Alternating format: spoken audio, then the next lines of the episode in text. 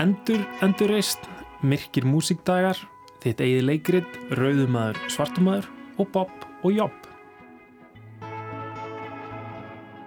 Í viðsjá dagsins heimsækjum við Klingobangalir í vestur í Marshallhúsi út á Granda og ræðum þar við Sigurð Ámundarsson, myndlistarmann um síningu hans, Endur, endur reist.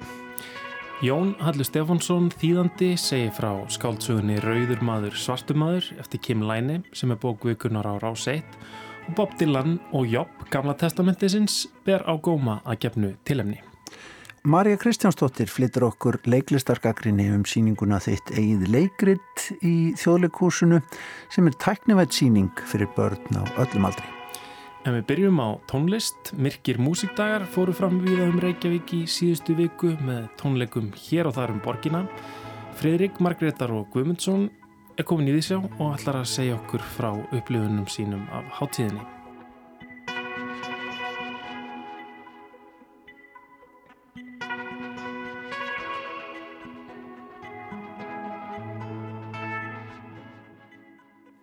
Í síðustu viku fór fram tónlistarháttíðin Myrkir músikdagar sem er helsta háttíð sinnar tegundar á Íslandi og einn elsta íslenska tónlistarháttíðin en hún var fyrst haldinn árið 1980.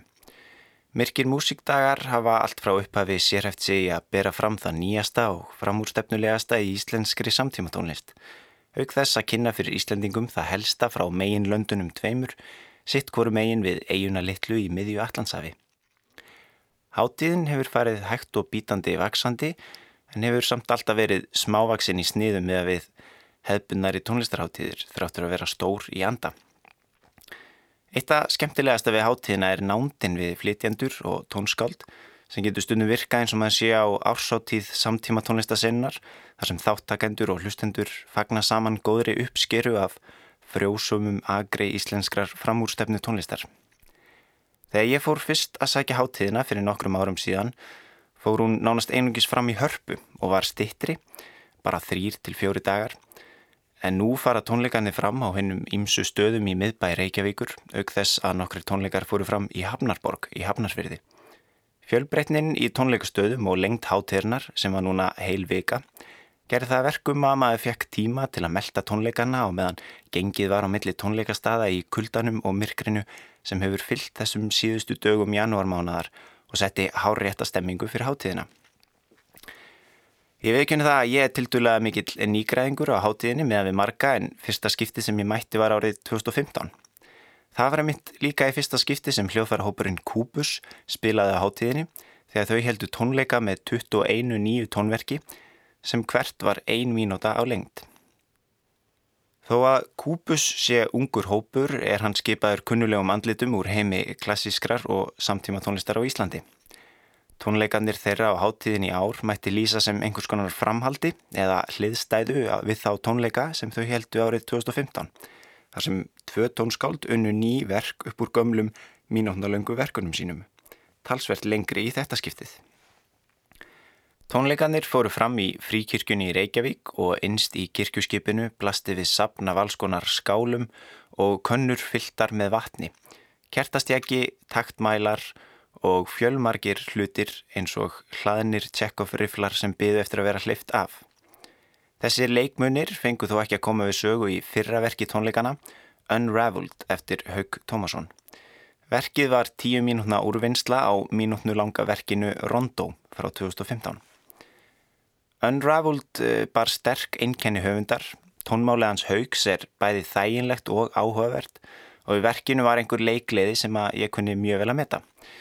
Formið þróaðist eins og haugur lísti sjálfur í efniskráni, gróft séð frá frosnu ástandi yfir í meira fljótandi sem ég var frekar skeftiskur um í byrjun en það geta þannig form oft verið í óþökk hlustandans en í þetta skiptið virkaði það mjög fínt.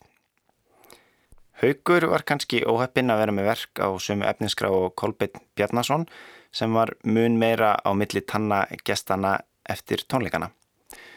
Á þessum tímapunkti var nú komið á annan dag hátíðarnar og meir en tíma bært að fá eitt verk sem færi mann til að spyrja hvað í óskupunum er í gangi. Í prógrami tónleikana kemur fram að í verkinu sem nefnist Musik der Unzeit Lichkeit 2 eða Ótímabær tónlist 2 er farið öfgana á milli og ímist hlaðið upp miklu efni á mjög stuttum tíma eða litlu efni í hafsjó af tíma. Verkið hóst með löngum fyrirlestri um hérna mismunandi kabla verksins sem var kannski heldur óþart eftir á að heikja, svolítið eins og að lesa titla allra kabla í bók áður maður leggur í lestur. Enda þegar komið var að því að þýða upphafsfyrirlesturinn á ennsku fyrir þá sem skildu ekki íslensku var látið döga að benda á þá staðreind að kynningin væri tilgangslös. Verki sjálft e, byrjaði svo á mér fannst á hábúntinum, stuttum en bráðfallegum sjónrænum duets millir kertaljós og rafljós á taktmæli. Leikræni þáttur verksins fannst mér heilt yfir hitta vel í mark og hann hefði getað notið sín meira. Meiri hluti verksins var í tónlistarformi þar sem tónmálið hefði alveg geta verið hámóternist serialist verk frá meðri síðustöld frekar en 21. aldar tónleikús. Og ég viðkynna oft átt ég er eitt með að halda þræði þó að þarna hafi verið nokkur gullin augnablík. Það er einna helst dúetkablið millir flöytu og klarinett sem Melkorka Ólastóttir og Grímur Helgarsson spiluð af hreitni snild. Ég saknaði þess helst að leikræni og tónlistátturinn væri ekki saminaður meira en í staðin voru þeir svolítið kliftir og skortnir.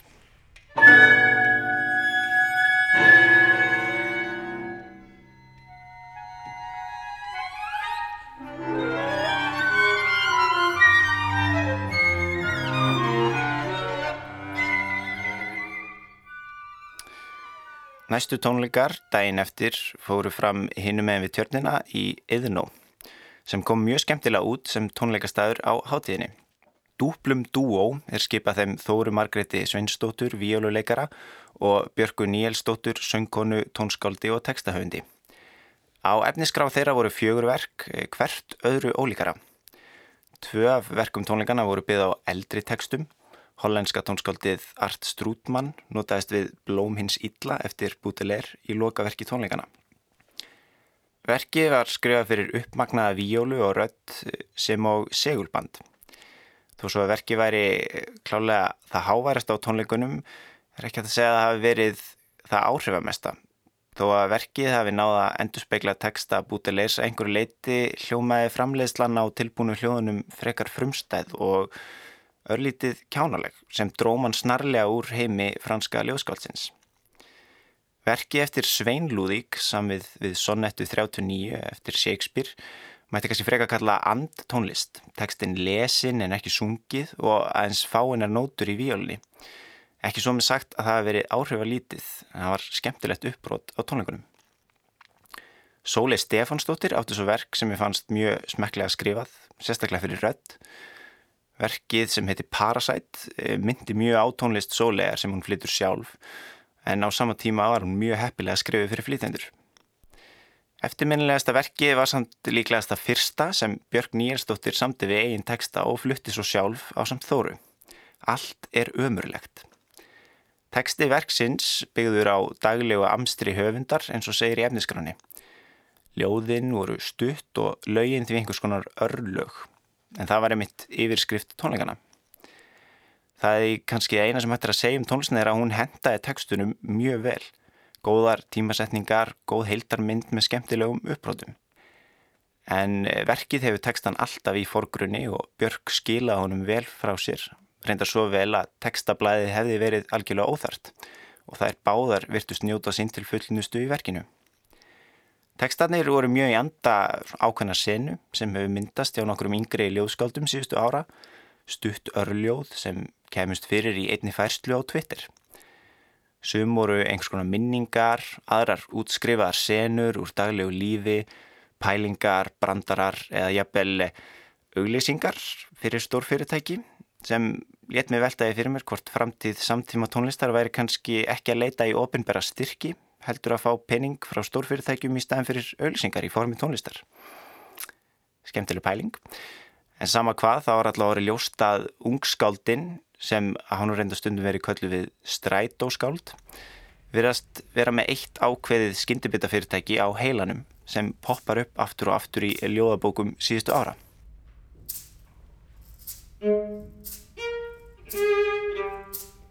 Þriðdags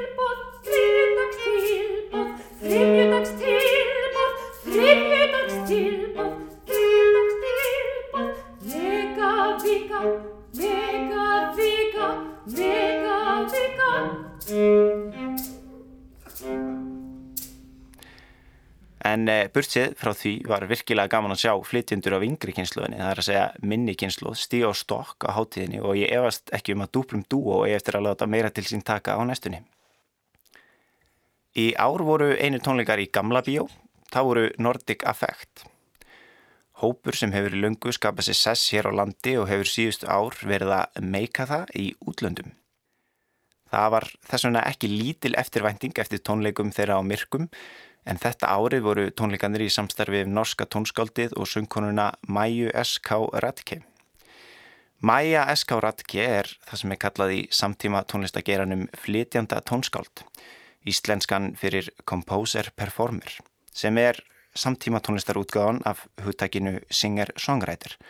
Svolítið flókið, ég veit. Mæja notar mikið röttina sína á óhefbundin hátt, svolítið anda Meredith Monk, sem fjölmarkar tónlistalegar personur eru dregnar fram úr ratböndurum.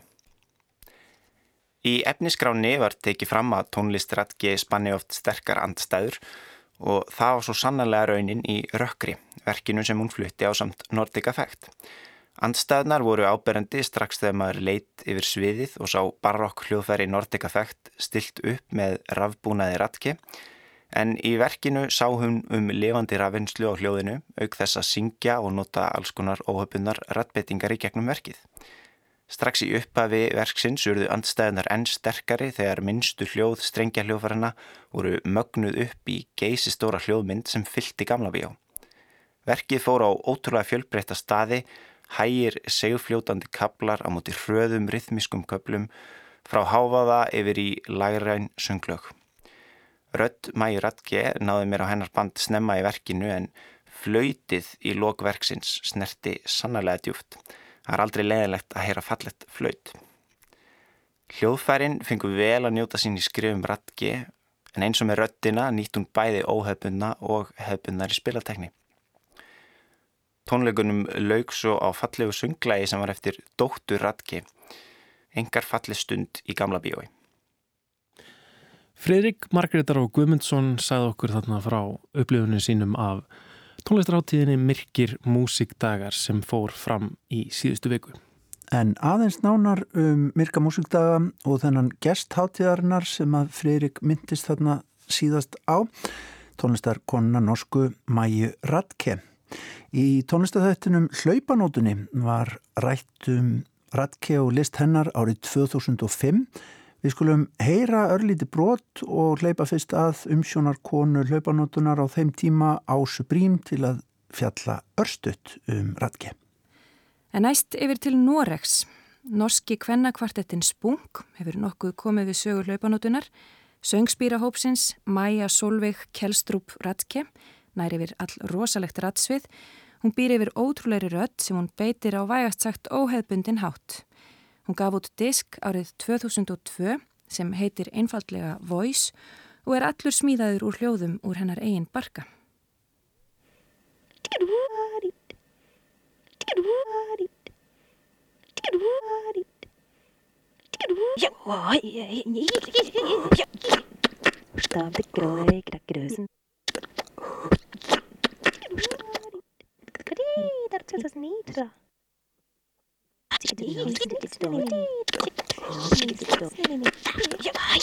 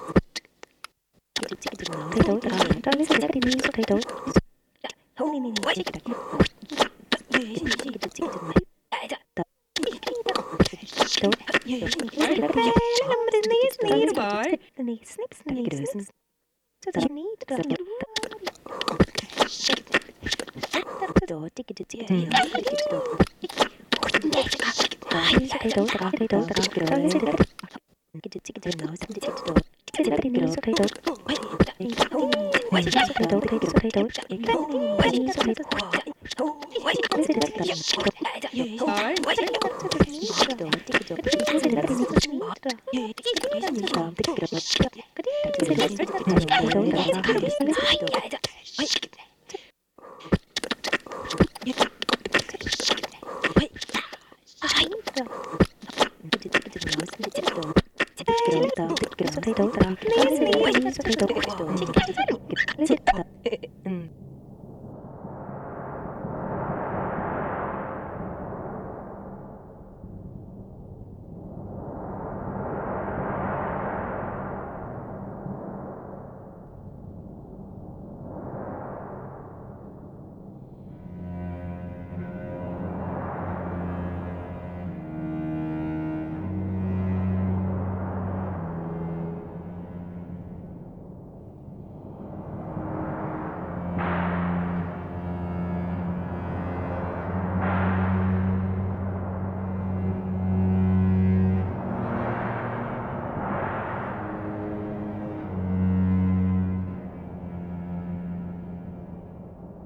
Jobb hétt maður og átti heima í Úslandi.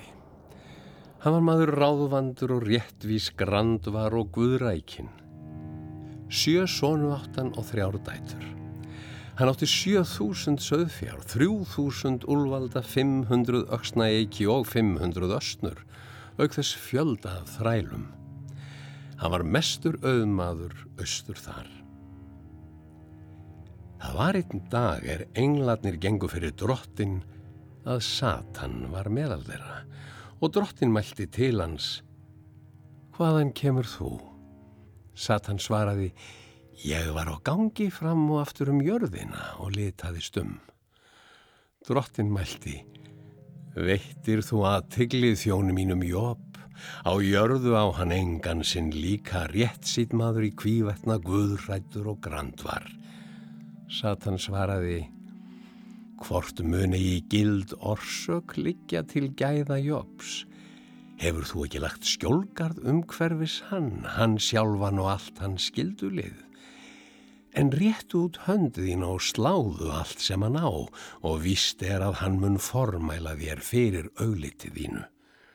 Drottin meldi. Hmm, þá það Allt sem að ná skal vera á þínu valdi en þyrma skalt þú lífi hans. Þá veg Satan á brott. Og í framhaldinu að þessu hefjast raunir Jóps í Jóps bók Gamla testamentisins.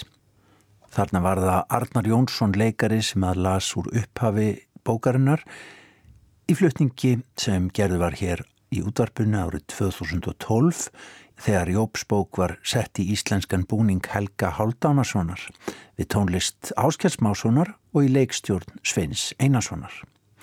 Þetta sem sagt upphafið á frásögninni af hennum Guðrætta og Grandvara Jóp sem að leitar eru yfir margvíslegar raunir til að sannreina trú hans og trygglindi við Guðsinn. Hann missir eigur sínar, fjölskyldu og loks heilsu og fjallar frásögninum viðbröð hans og vina hans við öllum þeim raunum. Jópsbók hefur orðið heilu herdildunum af fræðimönnum um hugsunar efni en líka margskonar listamönnum í gegnum árin og aldirnar. Listaverk undir áhrifum sagnarinnar fornu um Jóp eru jafn fjölbreytt og gleðilegurinn Guðdómlegi eftir Dante, fjölmörg kirkileg tónverk endurreistnarinnar, Paradísarmissir Miltons og Moby Dick eftir Herman Melville. Í kvöld í Vítalinskirkju í Garðabæ er ætlunin að ræða um raunir Jóps en líka nótkunn enn annars listamanns á tekstanum í verkum sínum nefnilega hvernig Bob Dylan hefur orðið fyrir innblæstri að sögunni um Jóp. Þar taka tveir prestar til máls sér að Sigfinnur Þorleifsson og sér að Henning Emil Magnússon en auk þess munu Fríða Dís og Smári Guðmundsbörn flytja tvö lög af plötu Dillans Time Out of Mind frá ornu 1997 sem verður til umræðu af þessu tilefni. Sér að Henning Emil Magnússon var gestur við sjár á dögunum þegar hann saði frá eftirlætis listaverki sínu og valdi í því tilefni læðið Shelter from the Storm af plötunni Blood on the Tracks frá árunni 1975. Við skulum heyra aðeins hvað Henning Emil lág á hjarta um þetta síkilda lag Hann velti fyrir sér þessari henni sem er nefnt svo oft í tekstanum. Það er hún sem veitir ljóðmælandanum skjól frá lífsins stormum. Biblían hefur verið, honum alltaf verið, verið, verið mjög handleikin og hann hefur verið þá kynstenni á unga aldri og hann alltaf er af geðinga ættum og hann læriði ímislegt úr Gamla testamentinu fyrir bar mitzva aðtöpt sína, hann sótti geðinglegar sömarbúðir og móður hans hefur sagt frá því að þegar hann var að semja John Wesley Harding árið 1967 þá var hann alltaf haft biblíun að opna á, á lespúlti í miðju vinnuherbygginu þannig að hann sæki mjög margt í biblíuna.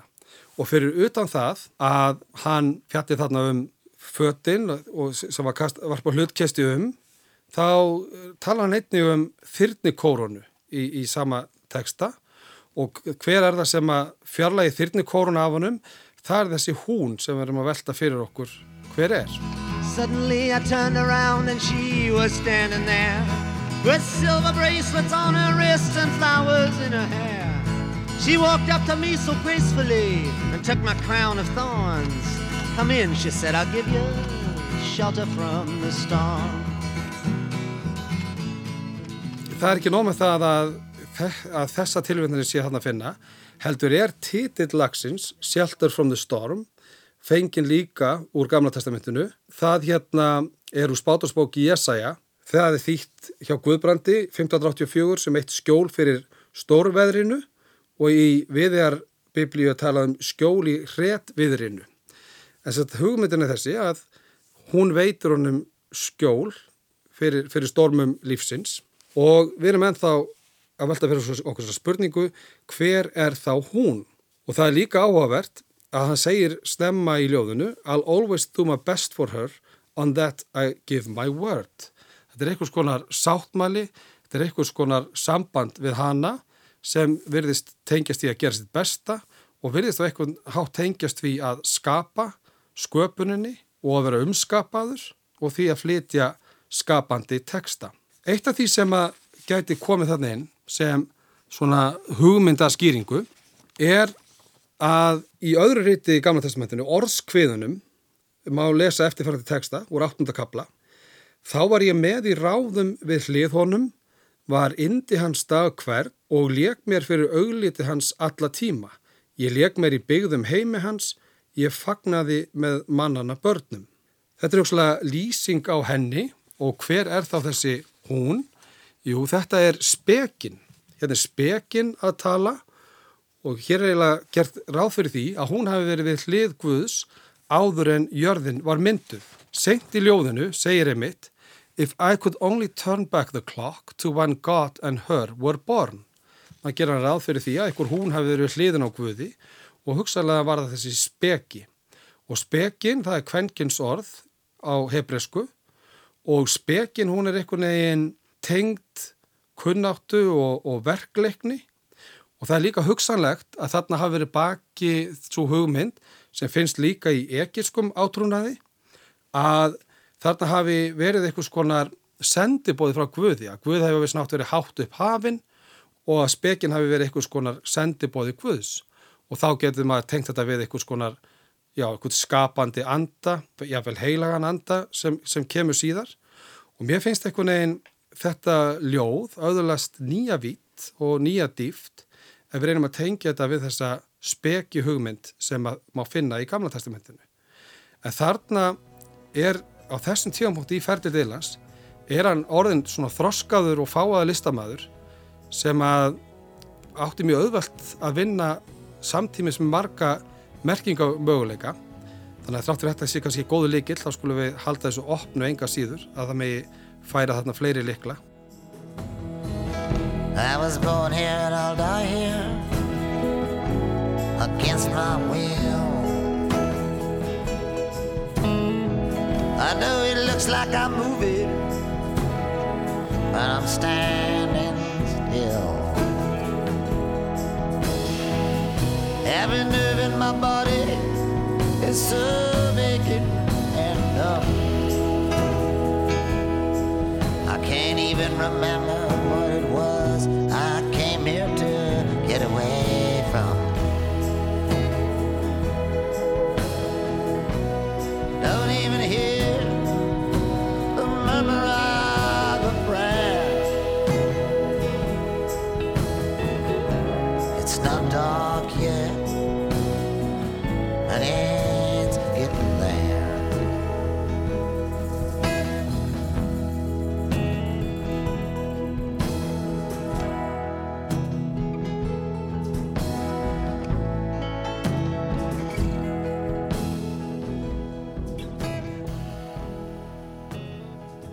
Þarna heyrðum við síðasta erendið úr læginu Not Dark Yet af plötunni Time Out of Mind með Bob Dylan frá árinu 1997.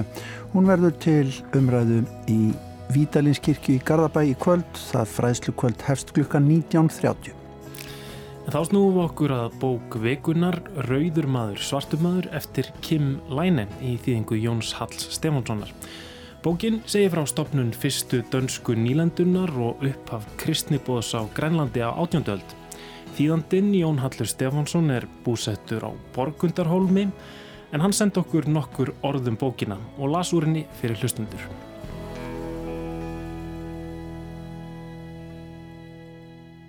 Já, Rauðumadur, Svartumadur er annabindi í Grænlands trílógíu, sögulegri Grænlands trílógíu, Kimlæni en eh, gerist nú mörgum árum tóðum á undan fyrsta bindunum, eh, spámanunum í Bótlæsverði.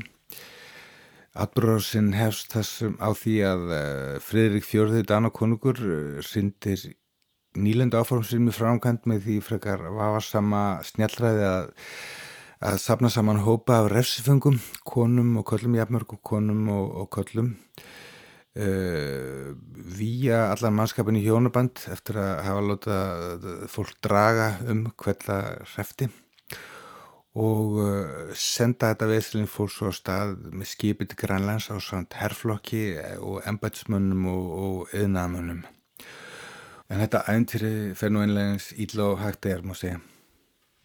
Þegar til Grænlands kemur er, er, er þar fyrir eh, norski presturinn Hans Egeði presturinn og kristnibóðinn á samt eiginkonu börnum Egeði er komið til landsins fyrir algjörðan miskilling eða algjörðan miskilling því að hann allar að um, finna norrana menn sem hann held, held að hefðu flutt frá vestuströndinu yfir austuströndina og væri ennþá katholskir og hann vildi snúðan frá katholskri villu trú til lúterskra trúar. Það gekk nú aldrei að komast yfir þessu ströndina eins, eins og, og vonir og hann, hann, hann lýð til linda að, að, að uh, kristna grænlendinga frumbyggjana og hann ergissi samt endalauðs á grænlendingum bæði kristnum og hefnum en enginn fer þó ef mikið í töðunar ánum og, og særingamadurinn Apalúdok, Rauður sem er svo ósífun að þráast við að heimta svonsjón aftur úr tímabundu fóstri á eigiði hjónunum en presturinn hefur sett tekið ásfóstur við drengin og vill ekki láta hann lausan. Alla þessar personur og marga fleiri taka til máls í þessari margræta sögum yfirgenglega atbyrðin sem Kim Læni segið frá með sínu gróteska raunsegi og sinni makalösu stílgáður sem liftir svona botlösu klandri og, og, og skefilösu og ógeðsa fólks upp á aðra plan. Já, ég ætla að lesa hérna brot úr fyrsta kablubókarnar, eða yngangi bókarnar öllu heldur, þar sem að það er Appalúdokk rauður sem að, sem að segja frá, frá því þegar að, já hann hittir, hittir hans eigið í fyrsta sinn. Eftir að kona minn við dáin fór drengnum að raka. Hann fúlsæði matnum segið færðunum, það gerir mig örfenglegan. Hvernig er þetta með þig, spurja, því ég getur ekki. Hún sagði það. Kvíslaði drengurinn út á milli þurra varna. Hver? Mamma. Hvað sá hún? Hún sagði mér að gera það. Sveltaði hel? Já. Gull húð, dökkir bauðar undir augunum, ekkert um að skinn og bein. Ég gerði það sem ég gatt. Ég reyndi að koma mat á hann í drengin, en hann klemdi saman varirnar. Það dró árun með hverjum deginu sem leið. Loks mist hann rænuna. En hjarta sló ennþá Rætt og slitrútt, það barðist við kalda húðina. Það er þá sem ég kem auðvitað bátinn úti fyrir landi, litla sluffu með skakksegli og prestin í svörstu hempun sem stendur í stafni og ungu sinninans tvo. Og þá gengi ég upp í hús og sæki drengin. Egið þeir stekku frá borðum leið og bátinn teku niður í flæðamálunu, hann snýsar á sonu sínum. Veri kyrir, hann gengur til mín. Ég þekki þið, segir hann. Þú deitna þessum gektu spurnangæg á topp í vetur. Ég svara ekki. Hvað er að barninu, segir hann? Hann er veikur, segja á dönsku sem kemur hann mjög óvart. Ég held að sé að deyja, viltu taka við honum? Því svarar hann engu. Hann segir, og móðurinn? Dáinn, segi ég, vill presturinn ekki taka hann með sér? Ég veit að þið takja ofta veikum börnum og hjúgriðum. Já, við getum ekki þverfóta fyrir heiðingibönnum, segir hann. Það verðist vera óþjóðandi upprættaðum. Það er kona mín sem vil hafa þið. Það er nú hennar ánæg og dagradvöld en það vist fullt hjá okkur núna. En ég gerst ekki upp. Ég geng alveg upp á hannum með máttvana drengin í fanginu. Ég lift honum upp á mótu prestunum. Taktu við honum í Jésu nafni. Hann lítur á drengin. Ég veit vel um hvað hann er að hugsa. Hann er að hugsa um það þegar frelsarum var tekinir af krossunum og ég sé að teljósunin ergir hann. Hann dæsir. Jæja, fyrst þú þetta láta svona, kontu það með hann í drottins nafni. Leðun í bátinn. Ég legg drengin varlega hún í botnar af bátnum, En þegar ég ætla sjálfur um borð, leggur egiði lóana brjósti mér og íti mig burt. Bara drengurinn. Ég var að vera hjá sinu mínum. Egiði hristir höfuðið. Þú mátt koma og líta til með honum. Þú veist hvað eru búum. Svo syglaðir heim. Ég harfa eftir þeim þanga til þeir eru hornir. Nú er ég einn í heiminum. Það er kannski það eina sem ég ræði við. Þegar ég fættu dönsku byðurinnar einum tveimur mánuðum síðar kemur strax höfu drengin. Hann er orðin heilbröður. Ég verð svo gladur. En þegar ég ætla að ganga á hann og faðman að mér, gengur egiði í veg fyrir mig. Hvað viltu, segir hann. Þú ótt ekkert erindi hingað. Ég er komin að sækja sonminn, segi ég. Það er búið að skýra hann. Hann er kristi núna. Góðu drengur er hann. Hann getur komið að nótum við kristnibóðið. Hann leggur hönd á öxlans eins og hann sé að verndan fyrir mér.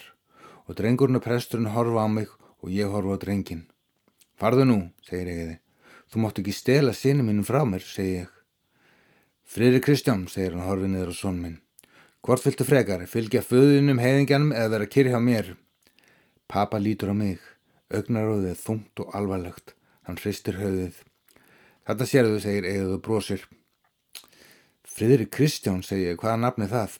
Það er kristna nafnið þess, segir eigið. Nú á ég hann. Ég kem aftur á sækjan, segir ég. Ef þú gerir það, sendi ég bissukúli rassinaður, segir hann.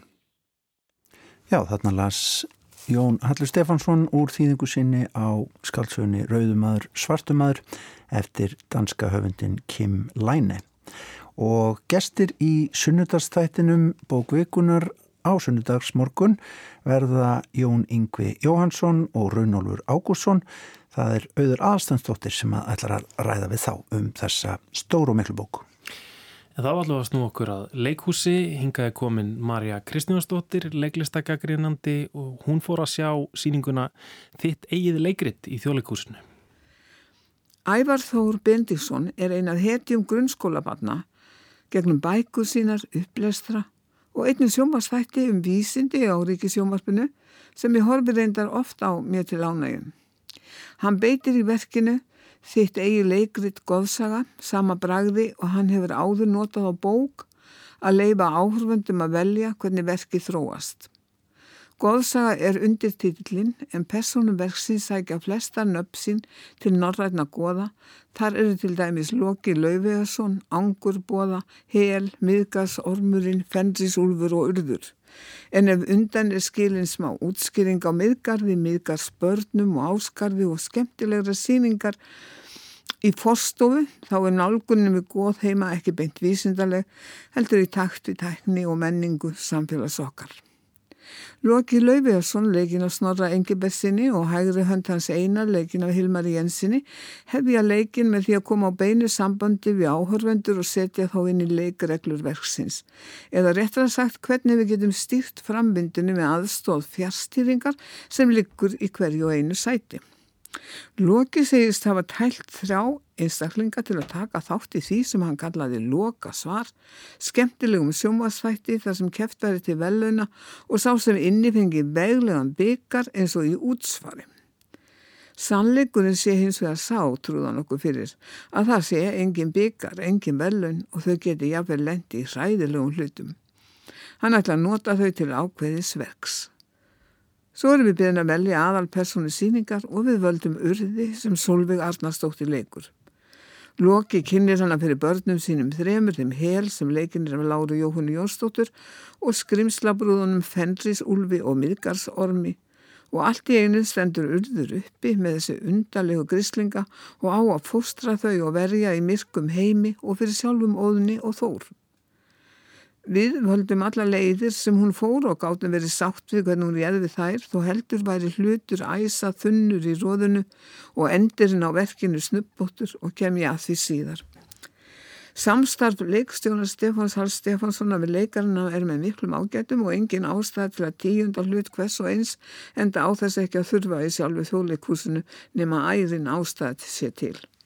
Leikmynd Högna Sigurþórssonar er að sjálfsögða einföld, rýmið gefur ekki kost á öðru, en með leikmennum sem koma óvart, lýsingu Magnúsar Arnar Sigurðarssonar, hljóðmynd Elvar Skeis Sæfarssonar og Kristins Gauta Einarssonar, ymsum búningum ástísar Guðni að Guðmustóttir skapast ógn og töfrar í góðheimum. Að það skuli takast á samt því að skila flókin í tækninni í sviðsmyndinni er lofsvert. Þá eiga frumlega brúður Aldísa Davíðsdóttur, Fenrisúlfurinn og Midgarsormurinn mikið þátti að lífga upp á myndina og leikin sjálfan. Þjólikúsið hefur lagt metnaði að vinna eins vel og áveru kosið að gera áhörundur virka þáttakendur í frammyndinni með rafrætni tækni hannaðri af Hermanni Karli Bjössinni. Það kuð vera í fyrsta sinni í leikúsi í heiminum að þeirri tækni er beitt. Hún virkaði vel á frumsynningu þó ég hefði viljað sjá stærri kvörf á sviðinu sjálfu eftir hvert val. Áhörundur hefði skinnjað í botn að þeir hefði lagt verulega mörgum til síningarinnar. Auðvitað er það heitlandi fyrir leikhúsið að bregðast við breyttum heimi tækni og mynd sína sem yngsta kynsluðin lifir í og leikhópurinn hefur unnið áhugavest starf í þá verum. En þegar loka þáttur urðar sem badfóstru er líst með myndasjói sem áhörfandi stendur utan við en ekki meðlum leikhúsins þar að segja nánd og gagvirkni leikar og áhörfanda þá kemur hvað skýrast ljós hversu erfitt er að samina þessa tvo heima og sjá lokin leysast í framhaldinu upp verðað engu. Áhorfandin skilur ekki að allt sé búið. Ég ábáknið að trúa því að sé vísvitandi gert til þess að börnum heimti að fá að fara aftur á næstu síningu og velja betur. Því yfirleitt halda með spennu og löngun til þess að sjá meira til dæmis í sjómasýrjum með því að enda á hápunkti sem kallar á áframhaldandi áhorf. En til grundallar síningum á þessu verki líka vist yfir 3000 möguleikar fyrir áhörfundu leikar og tæknumenn að bregðast við. Mikil þekking mun því væntalega sapna saman á komandi síningum sem hægt verður að nýta til að reyna að skilja það hvar leikúsið eigi heima í okkar mynd og tæknivæta heimi.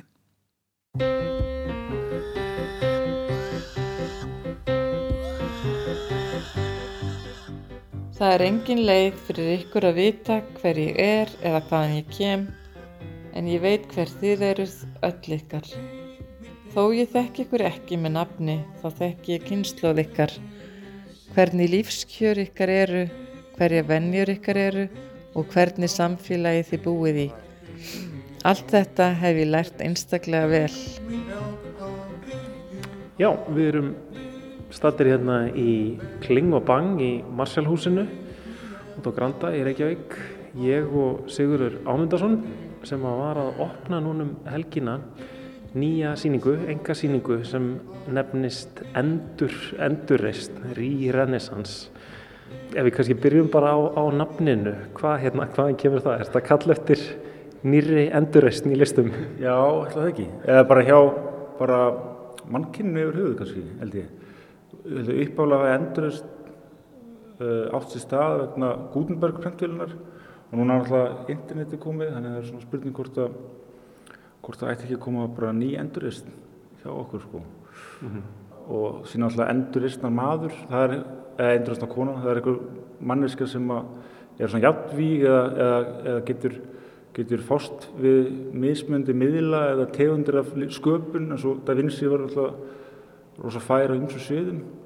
Og það er svolítið sem síningin gengur út á ég, svona, ég er að reyna mitt besta á ýmsum miðlum, ég er að fara út fyrir þægindaráminn og gera innsetningar og, og, og vídeoverk og bókverk, eitthvað sem ég er ekki vanur að gera mm -hmm. og sem fjalla síningin rosa mikið um uh, dýrðina og svona, svona það sem oft var og líka upphaf, upphefja mannin svolítið sko, mm -hmm. upphefja mannveruna og og svona undirstryka ágæti mannsins sko Já. en er raun og verið líka undirstryka ljótleika mannsins en, en bara svona svolítið leggja áherslu á kannski okkur uh, fræði og, og hugsunátt sem sem að kannski þarf að koma upp á nýtt eða mm. eða sjá í nýju ljósi Einmitt, þannig að þetta er svona tín tilhörnum til að vera enduristna maður það eru hérna nokkur mismöndi verk. Hérna er um, innsetning, það eru skúldúrar það eru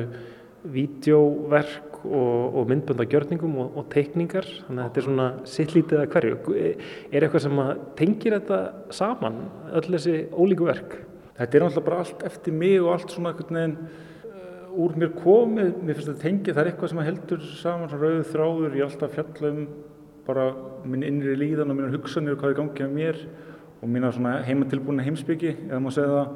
Og raunir verið þá finnst mér alltaf, það er oft í listu verið að gera upp á milli miðla þess, þess er ekki, þessi miðl er ekki í tísku núna eða þessi er gamaldags og þessi er svona eða þessi lalala, eitthvað, en fyrir mér er þetta allt bara nákvæmlega sama. Þú veist, listar eru það skiptir engum máli hvað miðl þú notar uh, þú bara, þú farið hugmynd og þú finnir bara hvað miðl hendar þeirri hugmynd. Mm. og, og og ég er hrifin af öllum miðlum og, og, og fæ bara hugmyndir eitthvað hér og þar. Og ég er kannski misgóður í þeim eins og er en, en, en ég, svona, ég svona hef hugmyndir á öllum þessum sviðum og langar að koma það frá mér sko. deilins miklu ég mögulega get ill bara um, Ef við kannski að rölda hérna þessu síninguna um, fyrst þegar maður kemur hérna inn þá uh, blasir við okkur innsetning. Hérna er eh, ryggsuga sem að svona hangir hálfpartinn eh, í loftinu, snúra hann svona rétt nær upp í rafmagnið og hún sígur hérna eh, mikla, mikla mynd sem hangir á vegnum. Já, ljósmynd hérna, um eitt. Og, og svo eru reynda líka svona, hvað ég var að segja, þrútnar æðar Já. sem að hérna skjótast út af vegnum. Akkurat, þetta eru æðar, já. Og það er, það er, sagt, það er kannski erfitt að sjá á myndina, en þetta er hendi mín, ég er að mála uh, drullugan snjó, málan hvítan, sem er náttúrulega mjög ómögulegt verkefni og, þarna, og það er svolítið svona kannski eitthvað kontrast á milli þeir náttúrulega og ónáttúrulega.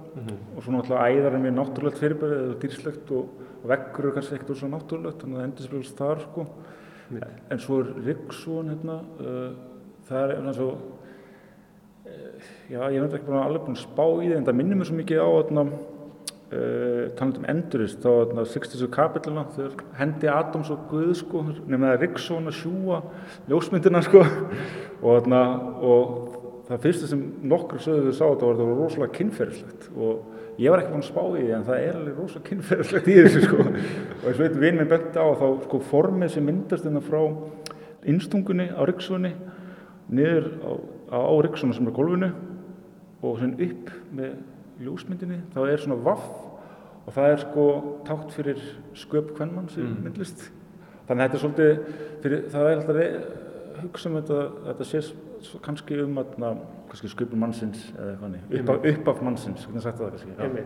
Kalla, kallast á við Michelangelo. Já, Hérna, kannski það sem svona tekur þó mest pláss hérna á sýningunni eru þessar teikningar þínar. Já. Um, þetta eru, er þetta ekki bara blíjant og, og pennastrygg sem að þú notar hérna? Mikið rétt og trílitur já, Já. trílitur og, og kúlupenni sko.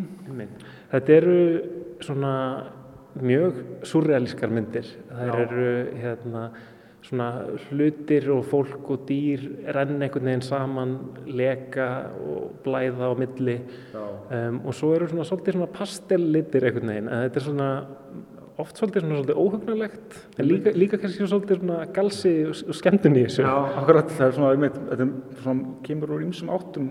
Uh, já, ég hef svona pastiliti aðalega til þess að, út af oft er myndefnið svona fyrir eitthvað aggressíft, sko, það getur verið það. En sem eru litin er svona vega móti því þeir eru, það þetta svolítið svona pass, passiv-aggressív, sko. það ringla kannski áhörunda smá og ég, ég fíla það, sko.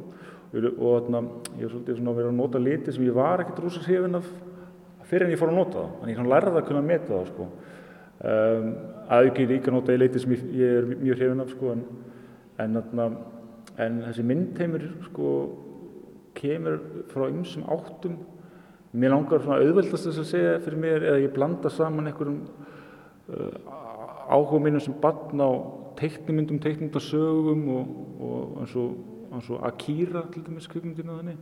Og svo áhuga mínum á til dæmis eins og svona stórum episkum, romantískum málverkum, þetta er, þetta er Nicolas Poussin eða, eða, Goya og, og þa- þannig sko, eða Rafael líka, stór svona mikil málverk og, og einhvern veginn, svolítið eins og ef þessi kallar væri núna í dag, eða þetta fólk væri núna í dag að mála, hvort að það, þarna, hvort, hvernig, hvernig myndu það að gera í dag? Þú getur eiginlega ekki gert þetta sem þeir voru að gera með sumu vatna, vopnum og þeir voru að nota, þú voru að nota eitthvað annað.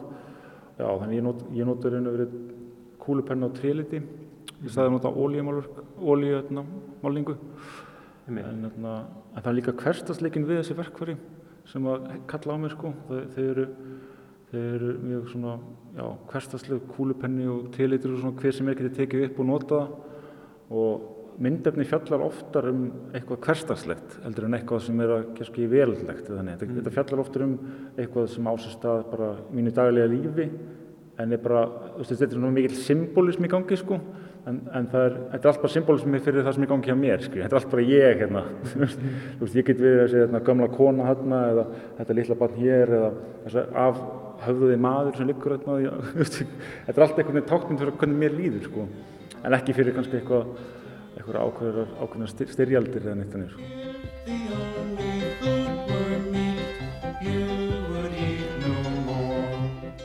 Þú nefndir á þann hérna að um, þetta væri svona svolítið passív-aggressív verk og, og hérna og þeimur á þann að í gjörningunum sem að þú kannski ert að sína hérna í myndböndum og, og varst með á opnunni þar sé kannski svona það svipa þema, það er eitthvað svona um, það er svona kvestaslegt hérna, mikroofbeldi kvestagsins Akkurat, akkurat. Manneskan heitla mér rosalega mikið bara, alveg rosalega skrítið fyrir bara. Skrítnastælega lífverðan bara by far sem hefur nokkur tíma verið á jörðin held ég.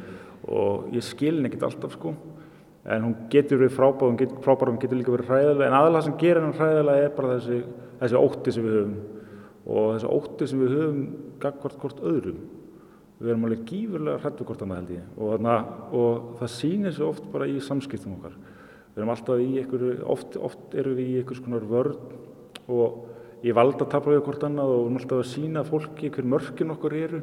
Við erum alltaf að draga einhverja línu, ósynlega línu í ósynlegan sand og, og vara fólki við að fara ekki yfir þessu línu. Í staðin fyrir bara að, að bara vera einlag og berskeld okkur kannski þóra því sko að opna okkur og segja, hér er fyrirgeðið, þarna, nú, nú ertu dónulegur, þá þurfum alltaf að leika einhvern leik og gefa í skín að þú megir ekki vera dónulegur með mig, þú veist, annars skal ég sko eitthvað svona dæmi. Og mér finnst það svo, mér finnst það svo tragic en það er líka svo ótrúlega fyndið. Og gjörningum minn er fjallar einhver um þessi samskipt okkar sem eru svo, svo raun og veru svo tortimandi því að við erum raun og veru bara að missa af hvort öðru í kjölfarið sko. Og það er eitthvað svona þessi mannkynnið ef að mannkynið ætla að halda áfram að þróast og verður eiginlega að brjóta þennan í sem er á mill okkur bara í hverstaslegum samskiptum. Og ekki bara að, vitaskuldir eru ímist mjög grafar alveg pólitísk og umhverfis vandamál sem í þessu stað og er virkilega að díla við. En ég held að besta leiðin til þess að díla við þetta vandamál er allan að fyrst að rækta okkur eigin garð og taka til bara í okkur eigin lífi sko og, og þarna, kannski bara þóra vera einlæg mm -hmm við aðra um hvernig okkur líður bara. og það er ekkert að skamma sér fyrir það og í staðin fyrir að byrja eitthvað reyði og svona sem kemur út í passive aggression já. En það er líka á, það er það er eiginlega öll þessi verk einhvers konar svolítið svona myrkur, það er eitthvað svolítið svona gálgahúmor mögulega já, við erum hérna með vídeoverk sem heitir Lucifer Akkurat. og þar sjáum við djöfulinn sjálfan á einhvern hátt og, og svo eru hérna skúltúrar sem eru svona eiginlega eins og andvanna mannslíkamar vafðir inn í plastboka kannski eins og einhver allir bara að losa sér við þá í næstu gjótu eða eitthvað. Já, þetta er, sko, þetta, er, einmitt, þetta er bara eins og þarna, lík eftir einhvern fjöldamborðinga það er svona eiginlega engin önna ástæði fyrir því að lík ætti að vera í svona póka eitthvað, eitthvað mjög ílkvinnislegt að átt sér stað eitthvað. en það er þú veist hann er bæði sko, hann er eitthvað, eitthvað dauðar mannverur og dauðin, en sín er líka bara strax með það, veist, hvernig komst það inn á póka og það er líka bara segja, bara ekki passive aggression, þetta er bara aggression sem setti, sem draf þau og setti þau í þennan póka og, þarna, og þetta var salurinn sem var upp á lýsins sköpun mannsins kannski og, og hérna er það bara endurinn, en, en það er líka menna, í okkur öllum er, veist, það er á gjörningum kemur líka, sem var opninnið, kemur hefur mikla ljós sko í endanum, það, þá þarna var, kom, held Melkorka Gunnburg ung stelpa uh, ræði um ástina og, og það vegur kannski alltaf móti í myrkrið sko því í okkur er þessi, þessi ást en það er líka þessi, þessi reyði og þessi, þessi sterka andúð sem við höfum á heiminum sko, beturleiki og, og hún getur annarkort láta okkur enda í svona póka eða láta okkur setja okkur annan í svona póka sko. það býr alveg, þeir eru bestu englar hann er bestu djöflar inn í okkur bara sko. þannig að þetta er ákveðin kontrast þar, þessi lína sko raun og verið er, er, er, er pókanir með líkunum ákveðin endir uh, á meðan, meðan innsetning ákveðin byrjun og síðan er kannski öll sýningin bara að dansa á þessum, þessari lína milli sko. En alltaf með svona smá glott út í annað. Já, alg, algjörlega, algjörlega. það er einmitt, sko, einmitt, það er í öllum verkunum eitthvað svona ákveðin hryllingur sko, en svona húmor við hryllingin líka. Ég, já, ég veit í spurningu þannig að það kemur sko. Sigurður Ámundarsson, til hafingjum með síninguna og takk kærlega fyrir að leifa okkur e, í viðsjá að kíkja á hana. Takk fyrir mig. Takk fyrir það. Aldrei. Ég get yfirstegið alla þá reyði og efa sem býr í mér. Ég get líka yfirstegið alla andúðin og óttan sem ég hef gagvart ykkur. Ástinn sem ég ber til ykkar er sterkar en allt og ekkert ekki neitt. Getur fengið mig til þess að hætta að elska ykkur. Ást þessi er sterkar en allt annað í heiminum og ég finn þessa ást í ykkur líka. Sama hversu vel falin þessi ást er í sumum ykkar, þá sé ég hana.